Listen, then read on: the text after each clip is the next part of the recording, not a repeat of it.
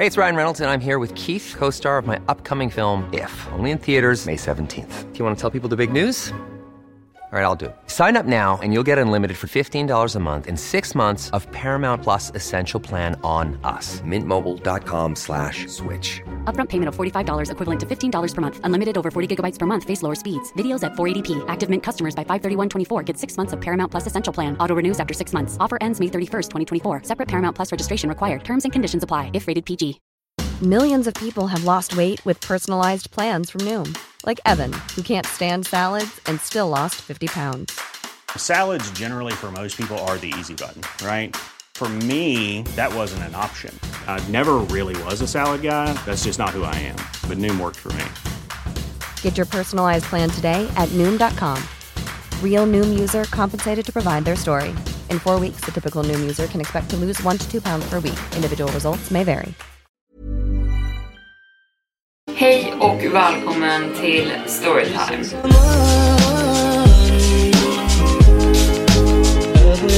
Varmt välkomna ska ni vara tillbaka till Storytime-podden med mig Evelin Blomfelt.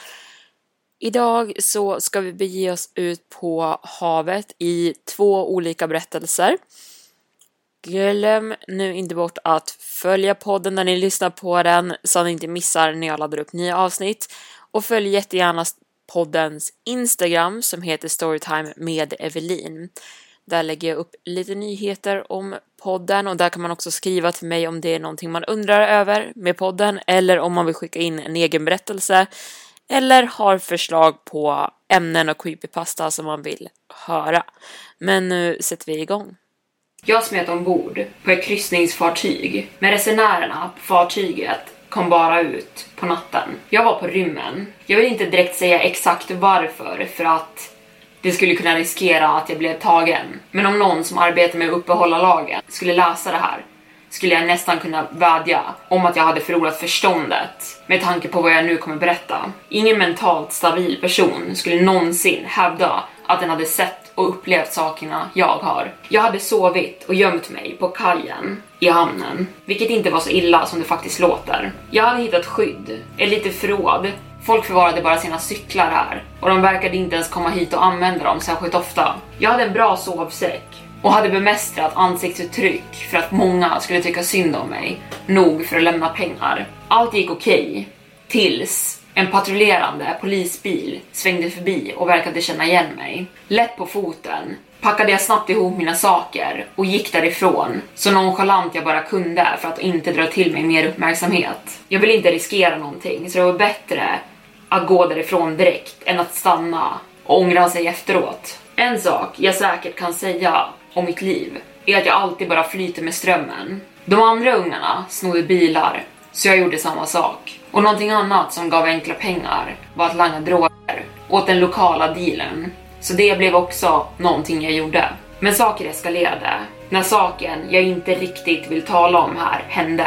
Jag hade blivit en del av ett gäng och det var riktigt dåliga människor som jag blev associerad med. Precis genom det jag nämnde, att följa med strömmen. Jag rundade ett hörn och fick syn på ett kryssningsfartyg som stod i hamnen. Det såg ut att ha sett bättre dagar men jag såg också att det fanns en brygga som ledde ombord på skeppet och ingen verkade övervaka den. Så strömmen tog mig ombord på båten. Vart jag än kollade på fartyget så hade färgen flagnat av väggarna och nästan allt var täckt i spindelväv.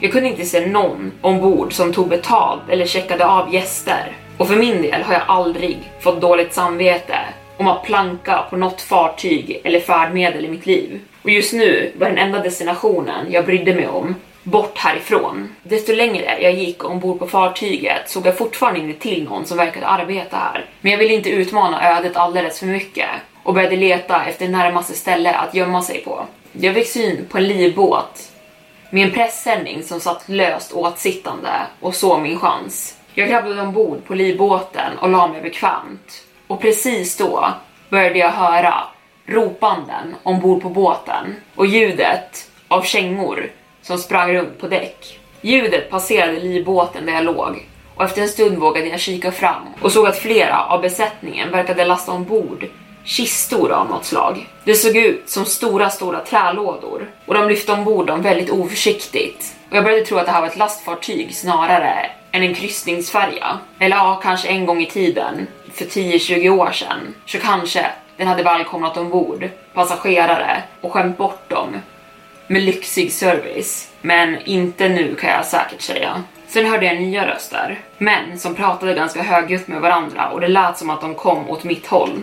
Jag dök ner bakom pressändningen tills de passerade och kort därefter kände jag hur skeppet rök till och startade igång. Det knarrade och knakade medan det började röra på sig under mig och med ett tungt gnisslande lämnade det hamnen. Jag började slappna av. Jag hade lämnat mina bekymmer bakom mig och framtiden var nu ett mysterium. Det dröjde dock inte länge förrän vi hade lämnat hamnen innan min kissblåsa förstörde lugnet. Det blev akut och jag hade inte lust att lämna mitt gömställe egentligen, men jag hade inte mycket val heller. Jag hade ingen aning om hur länge jag skulle behöva gömma mig här. Försiktigt och så tyst och långsamt jag kunde gled jag ur livbåten och landade på däcket. Jag verkade bara ensam där.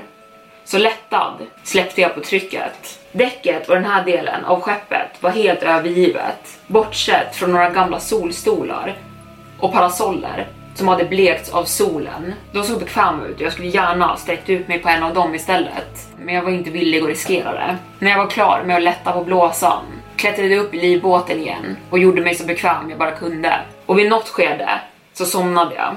Jag vaknade till, sträckte ut mig i mitt nya lilla hem och släppte ut en gäspning. Jag lyfte lite på pressändningen jag låg under för att kolla om kusten var klar för att lämna mitt gömställe och leta efter mat. Det var lika dött som det hade varit tidigare, så jag ansåg att kusten var klar, hoppade ner på däck och jag började tänka att det verkade som att jag var den enda passageraren på den här båten. Jag vandrade ner för däcket och såg kabinhytter och alla dörrar var stängda och persiennerna neddragna. Min teori just nu var att det var ett lastfartyg och det verkade mer och mer som att jag hade rätt eftersom att jag inte såg till några andra gäster ombord. Min teori blev ytterligare lite bekräftad en timme senare när vi nådde en ny hamn och stannade till. Jag hade ingen aning om vart vi befann oss, men kajen vi la till vid var ännu slitnare än skeppet jag befann mig på. Jag duckade och gömde mig på däcket medan jag såg hur besättningen började lasta på ännu fler boxar och kistor. Men de här boxarna såg ut att skaka och hade vad som såg ut att vara lufthål i sig. Så jag antog att det var boskap. Några stackars djur skulle transporteras under hemska omständigheter som jag tvivlade på skulle vara lagligt. Eftersom att besättningen verkade upptagen nu med att lasta ombord boskap bestämde jag mig för att börja leta efter någonting att äta och dricka ombord på skeppet. Och jag hade tur. Jag hittade ett olåst förrådsrum fullt av kött och hör och häpna, öltunnor. Jag tog mindre än jag hade velat för jag ville inte starta misstankar ombord på skeppet med saknad mat. Jag fyllde min mage med salt, gummiaktigt kött och sköljde ner det med varm öl. Det började kännas nästan hemtrevligt. Till skriken började höras. Först trodde jag bara att det var skeppet som gnisslade med tanke på vilket tillstånd det var i. Att det var gammal metall och trä som protesterade mot rörelserna. Men det blev snabbt tydligt till min förskräckelse att skriken kom från någonting levande. Boskapen, tänkte jag för mig själv, det måste vara dem. Men det lät nästan mänskligt. Det var ett hemskt ljud. Jag torkade mig i ansiktet och började känna mig väldigt varm helt plötsligt. Vare sig det kom från de hemska lätena eller från den varma ölen var jag inte säker på. Men min mage blev extremt orolig. Jag skyndade tillbaka ut på däcket, lutade mig över relingen och började spy. Jag stod där och chippade efter luft medan jag skakade. Natten föll och ljuset försvann mer och mer. Men som tur var var de enda ljuden jag kunde höra just nu ljuden från skeppet och vattnet under som slog mot skroven. Men sen, ett klick. Jag vände mig om på stället och såg att en av kabindörrarna började öppna upp sig. Jag svor för mig själv i panik. Jag hade inte tid att ta mig tillbaka till livbåten. Jag duckade under en av förvaringsboxarna för livvästar och försökte göra mig själv så liten som möjligt. En man dök upp utanför kabinen. Han hade en lång svart kappa på sig och rörde sig i en långsam men självsäker takt. I handen höll han en silvrig käpp Förmodligen mer för syns skull än, än att han behövde den, gissade jag på. Under månskenet såg hans hy extremt blek ut. Hans huvud var rakat och han hade någon slags konstig tatuering som löpte över hela hans ansikte och huvud. Bara åsynen om honom gav mig kalla kårar och jag försökte gömma mig ännu bättre bakom boxen. Han började promenera längs däcket och mer och mer kabindörrar öppnade upp medan fler varelser klev ut. Det var ungefär ett dussin från vad jag kunde avgöra. Alla hade på sig svarta kläder och samma bleka uppsyn. Några var kvinnor, några var män. Men alla deras huvuden var rakade. Alla hade olika men liknande tatueringar och ingen yttrade ett ord medan de verkade njuta av den kalla nattluften. Jag såg på som i en trans. Det var någonting overkligt och omänskligt över dem. Någonting som satt alla mina nerver på helspänn. Jag hade flytt om jag kunde, men jag hade inget val än att sitta kvar på stället, gömma mig och hoppas att ingen av dem skulle få syn på mig. Trots att deras promenad längs däcket nu kom åt exakt det hållet där jag satt och gömde mig. En ny person dök upp. Han hade en vit uniform och höll i ett fat med drycker som såg väldigt mörka ut och en till besättningsmedlem följde efter honom vart han än gick. Tillsammans började de dela ut drycken till passagerarna och alla greppade dem uppspelt. Och trots att passagerarna såg märkliga ut hade de hittills betett sig med en viss finess. Men det verkade vara helt bortglömt så fort de fick nys på drycken i behållarna. De drack den glupst och började slicka kanterna på glaset som besatta Varelsen som stod närmast mig log. Ett stelt ondskefullt leende och det kändes som jag skulle spy när jag fick syn på hans tänder. Monstruösa tänder som såg ut som ett sågblad. Jag blundade hårt, som ett barn som försökte gömma sig för någonting som inte borde existera. Jag kunde inte se mer av det här om jag skulle behålla kontrollen över mig själv. Timmar passerade och morgonen jag aldrig trodde skulle komma började skymtas på himlen. Och precis samtidigt blev hela däcket övergivet ännu en gång. Alla passagerare återvände till sina kabiner. Jag satt kvar fastfrusen på mitt gömställe och såg hur besättningen började lyfta ut pressändningar med någonting inuti ut på däcket. Och en för en började de kasta pressändningarna i havet. Det var liken från boskapet, tänkte jag först. Men då glimtade jag en hand som ramlade ut ur en pressändning. Det var en människohand, grå och livlös. Tio stycken pressändningar, tio kroppar. De flöt en stund på ytan av vattnet och sen började de alla sjunka. Men kropparna gav inte ifrån sig något blod på vattenytan. Instinktivt började jag tänka på en varelse som liknade de här väldigt mycket, som också hade färdats med ett skepp från sitt hemland långt, långt borta till England.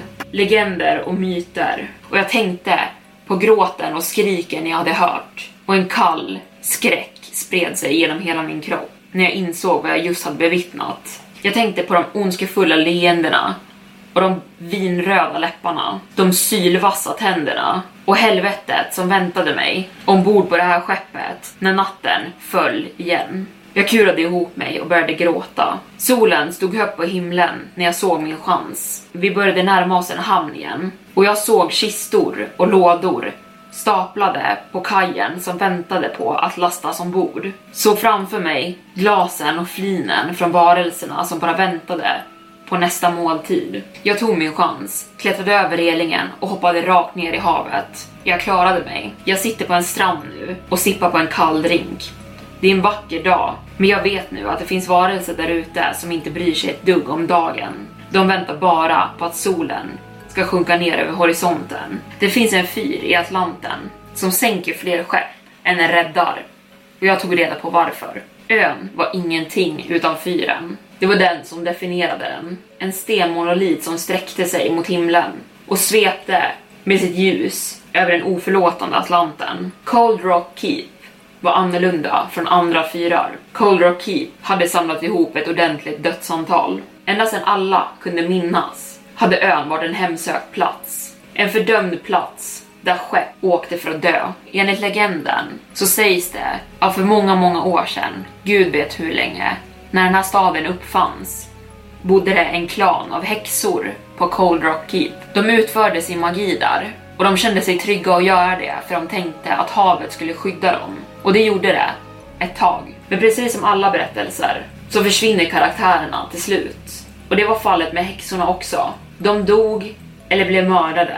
Ingen vet helt säkert. Historien har ett roligt sätt att glömma bort sig själv ibland. Hur fallet än var så började skeppvraken att travas på hög och därför byggdes fyren ute på ön för att varna skepp om den brutala sågtandade kusten som var dem till mötes. Fyren däremot verkade inte göra någon nytta alls. Fallet var till och med att den verkade göra dödsfallen ännu fler. Och snart var den sågtandade kusten en uppsjö av gamla skeppsvrak. Det tog inte länge för stadsborna att komma överens om att ön var fördömd och att fyren på något sätt hade börjat agera i ondskans namn. Och efter det började människor undvika Cold Rock helt. I alla fall de lokala stadsborna. För vi visste bättre och våra mammor och pappor visste bättre och deras mammor och pappor visste bättre före dem. Det var en tradition att varna de små med godnattsagor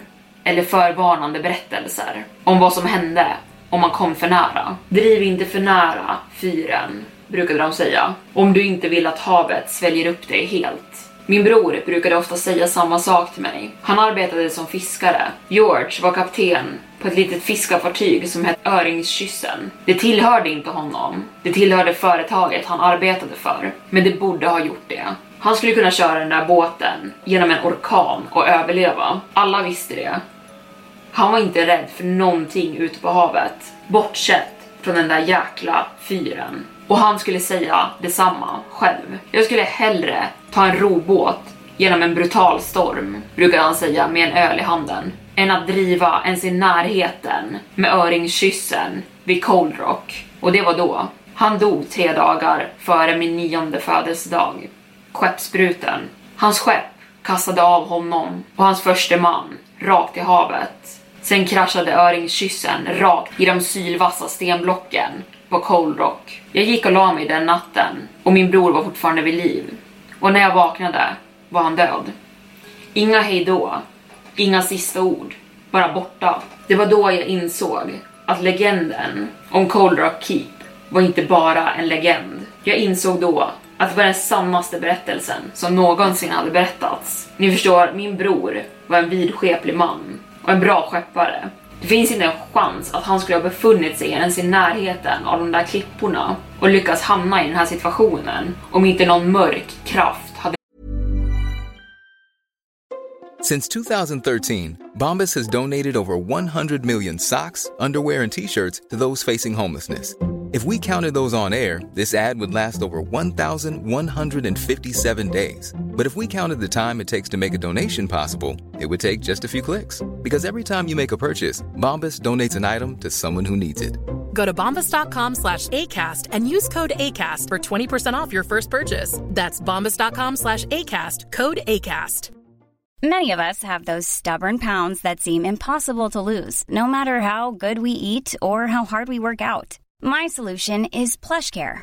PlushCare is a leading telehealth provider with doctors who are there for you day and night to partner with you in your weight loss journey. They can prescribe FDA-approved weight loss medications like Wagovi and Zepbound for those who qualify. Plus, they accept most insurance plans. To get started, visit plushcare.com slash weight loss. That's plushcare.com slash weight loss. Hiring for your small business? If you're not looking for professionals on LinkedIn, you're looking in the wrong place. That's like looking for your car keys in a fish tank. LinkedIn helps you hire professionals you can't find anywhere else, even those who aren't actively searching for a new job but might be open to the perfect role. In a given month, over 70% of LinkedIn users don't even visit other leading job sites. So start looking in the right place. With LinkedIn, you can hire professionals like a professional. Post your free job on linkedin.com slash people today. Millions of people have lost weight with personalized plans from Noom, like Evan, who can't stand salads and still lost 50 pounds. Salads, generally, for most people, are the easy button, right? For me, that wasn't an option. I never really was a salad guy. That's just not who I am. But Noom worked for me.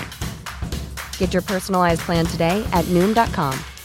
Real Noom user compensated to provide their story. In four weeks, the typical Noom user can expect to lose one to two pounds per week. Individual results may vary.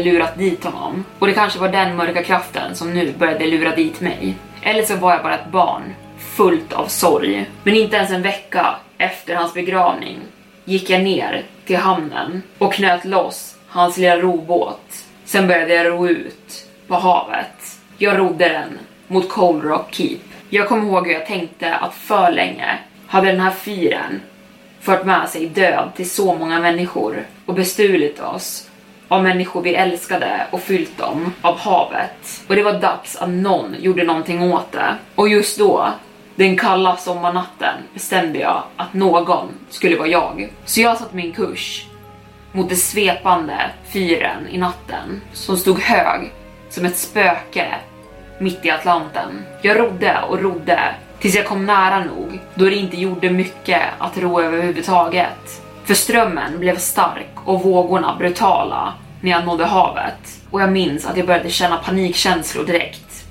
Som att jag hade begått ett stort misstag. Ett impulsivt beslut som jag nu skulle få ångra bittert. Medan jag slängdes omkring i robåten bland de aggressiva vågorna. Havet tog först ena åran, sen den andra. Sen tippade hela båten och slängde av mig som en liten plastanka i ett badkar. Mörkret tog mig, iskallt och kompakt mörker. När jag vaknade till började jag spotta ut sjövatten.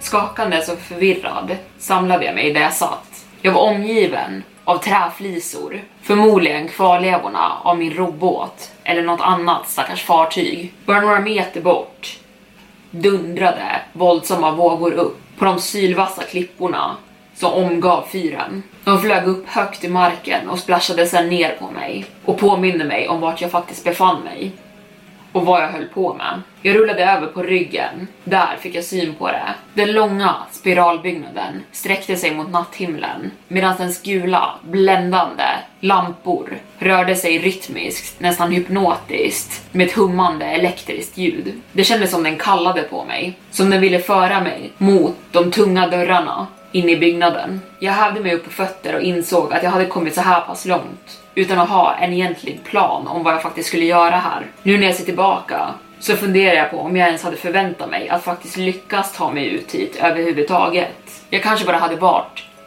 så insjunken och sjuk i sorg att jag önskade att havet skulle svälja upp mig också på samma sätt som det hade svalt George så att det skulle låta oss vara tillsammans igen. Jag kanske bara ville göra slut på min misär. Vad orsaken än var, varför jag hade kommit, så hade jag nu inget annat val än att gå framåt. Så jag började gå mot fyren. Medan jag gjorde det passerade jag flera stora stenblock som visade sig vara gravstenar med mäns namn som dött i samband med fyren.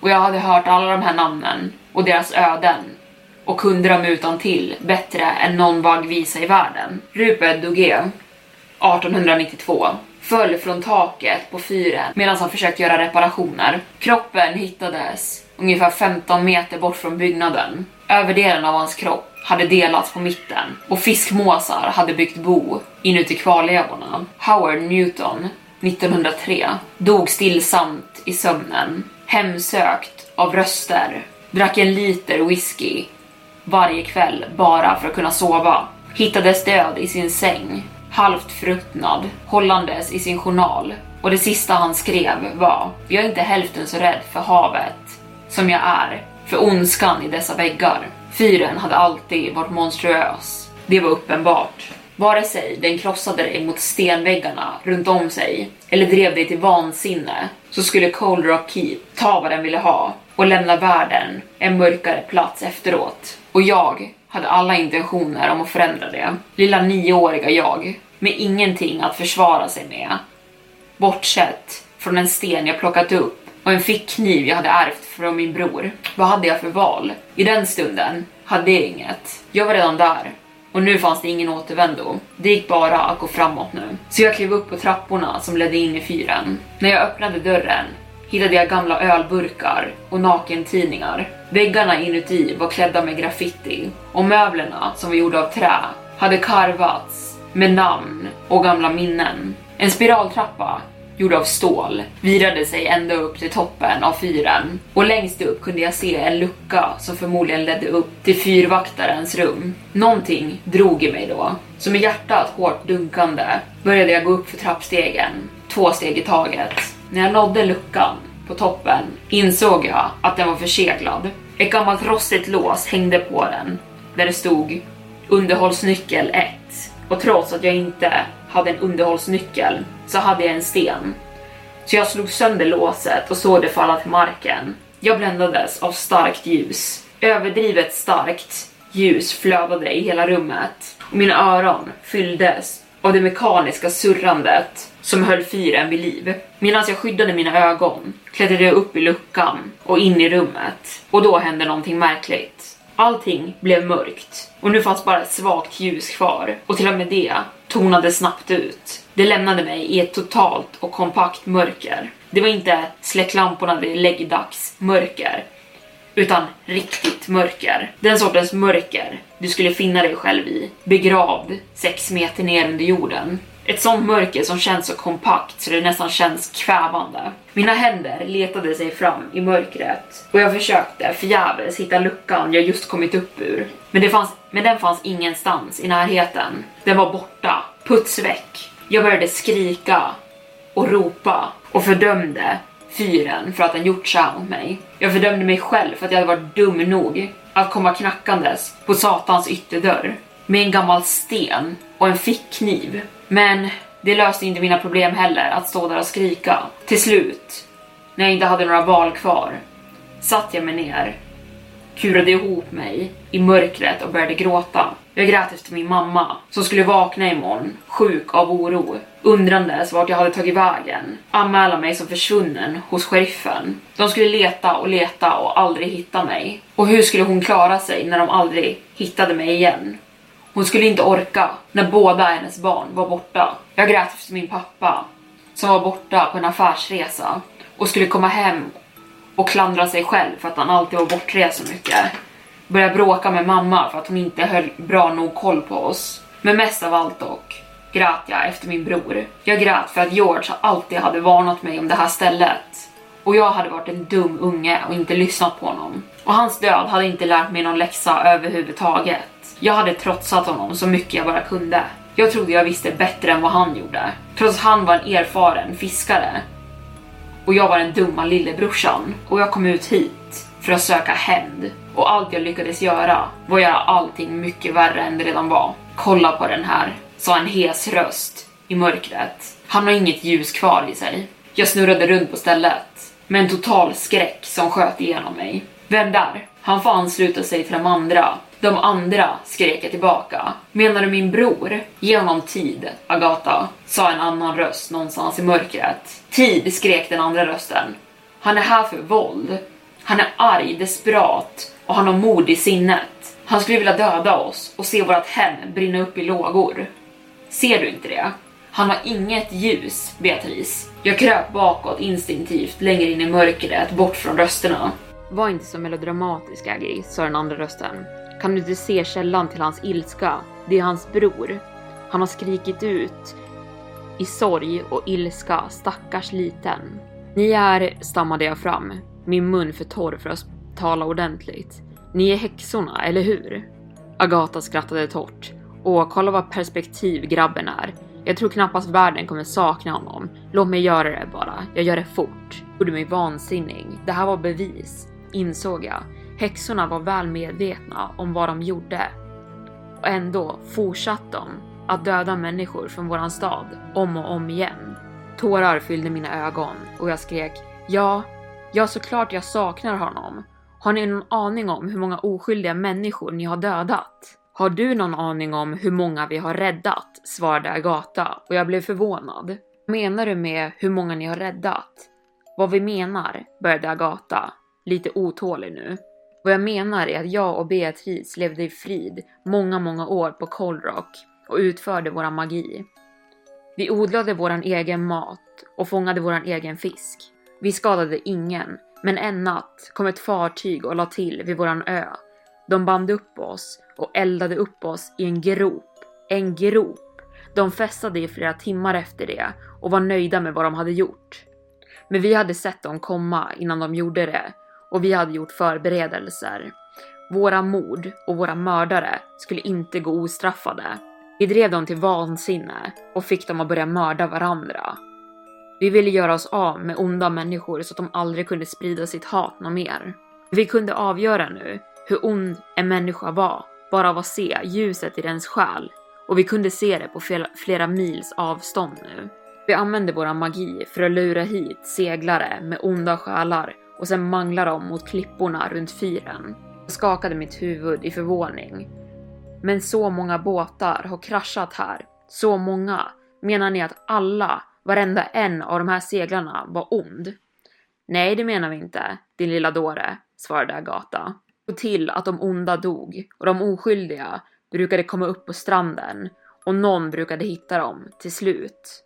Och vad det gäller fyrvakterna, den första var ett misstag, han som blåste av taket. Vi hade ingenting med det att göra. Den andra hörde röster. Han var lite av ett medium, men han insåg det aldrig själv. Han hörde mig och Agata bråka varje natt och söp sig själv till döds. Stackarn.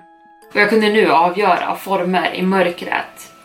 Det såg ut som lakan som svajade i vinden. Åh, sa Agata. Lite chockad. Han kan se oss nu, eller hur? Jag hade en fråga jag verkligen ville ställa dem.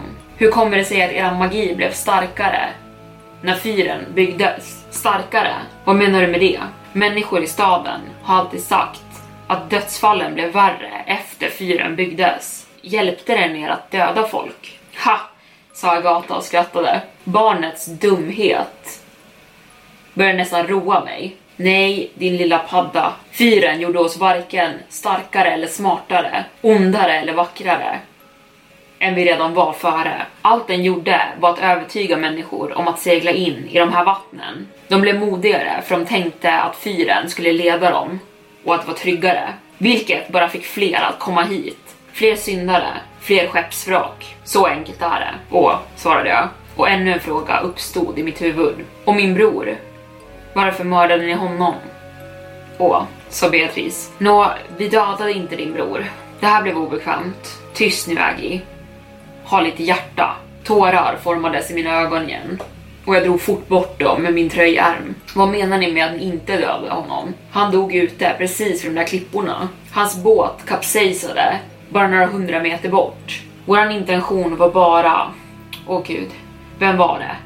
Reed Vallas. Reed Vallas, precis. Vi hade bara tänkt döda honom. Han var första styrman tillsammans med din bror och den mannen var ett monster, en mördare. Han förtjänade inte att bo i den här staden eller i den här världen. Och jag tror världen var en tryggare plats utan honom. Så varför dödade ni George? Men herregud barn, lyssnade du ens? Vi sa ju just att vi inte dödade Aggie, avbröt Beatrice. Kolla på honom. Det var meningen att din bror skulle flyta tryggt i land. Helt ärligt, det var en tragisk olycka. Reed fick panik när öringskyssen kapsejsade och han hade ingen livväst på sig. Han tog tag i din bror och drog ner honom i djupet för att rädda sitt eget liv. Men det slutade med att de båda dog. Hennes ord sköljde över mig som en kall vind. Och ni lät Reed dra ner honom i vattnet. Och ni försökte inte hjälpa. Hur ska vi förklara det här? sa Agata med en suck. Våra magi är inte direkt en skalpell, mer än en, mer än en stor hammare. Små ingrepp i händelser är omöjliga för oss, så kan ni återuppliva honom eftersom att det inte var meningen att han skulle dö. Jag fick aldrig en chans att säga hejdå. Nej, sa Agatha, det kan vi inte. Det var precis vad jag förväntade mig att höra, men det gjorde fortfarande lika ont. Har det varit många stunder som den? Mumlade jag. Har många oskyldiga människor dött på grund av sakerna ni gör? Tystnad sjönk över rummet. Ibland, sa Beatrice. Ibland så händer det att oskyldiga människor dör. Och är det okej? Okay? frågade jag. Min ynkliga röst ekade i rummet. Varför var oskyldiga människor tvungna att dö för att de dåliga skulle straffas? Borde ni verkligen hålla på så här? Jag... jag är inte säker, sa Beatrice. Du har rätt, svarade de. Vi har trott att vi har hjälpt andra så länge så vårt eget ljus har försvunnit och vi har blivit... Så ni kommer inte skada någon mer? Frågade jag. Mhm, sa Beatrice med det här så ska vi göra en sista förtrollning. Se det som en avskedsgåva. Och det var mitt sista minne av häxorna. Jag vaknade upp i min egen säng med saltvatten i håret och sjögräs på min tröja. Min mamma skrek av glädje när hon såg att jag vaknade. Och i rummet stod en annan man som jag inte kände igen, som jag sen fick veta var en läkare. De berättade för mig att jag hade sovit i 14 timmar. Polisen, förklarade de, hade hittat mig uppspolad i hamnen. De trodde att jag hade fått en seriös hjärnskakning. Du sov som de döda, sa han. Och jag sa åt honom att jag mådde okej okay och bad om ursäkt för vad jag hade orsakat. Jag sa åt dem att jag behövde, behövde samla mig en stund och till slut lämnade de rummet. Och då, när jag fick tänka efter, gick jag fram till mitt fönster och såg ut över staden. Jag såg bortom den och såg mot fyren och sa tack. Tack för allting. Ni förstår, drömmar är en så konstig sak. Ibland är drömmar bara någonting man minns bitar av. Fragment. Och det är overkligt. Men ibland kan drömmar vara så långvariga och verkliga så de känns som ett annat liv. I min dröm, som kändes som ett helt liv, fick jag leva ut alla minnen jag aldrig skulle få göra med min bror i det verkliga livet. Det här var häxornas sista tackgåva för att jag hjälpte dem släppa taget om hämnden. Jag fick säga hejdå i min dröm till min bror. Och där tar Storytime slut för denna gång. Jag hoppas att ni har gillat det här avsnittet och de här två berättelserna. Vi hörs igen på onsdag med ett nytt avsnitt. Tills dess så följ jättegärna poddens Instagram och om ni har en egen berättelse ni vill skicka in eller förslag på en creepypasta så kan man jättegärna göra det där. Men jag vill tacka för att ni har lyssnat så hörs vi på onsdag. Hej då! Hey, it's Paige DeSorbo from Giggly Squad. High quality fashion without the price tag. Say hello to Quince. I'm snagging high-end essentials like cozy cashmere sweaters, sleek leather jackets, fine jewelry, and so much more. With Quince being 50 to 80% less than similar brands and they partner with factories that prioritize safe ethical and responsible manufacturing. I love that. Luxury quality within reach. Go to quince.com slash style to get free shipping and 365 day returns on your next order. quince.com slash style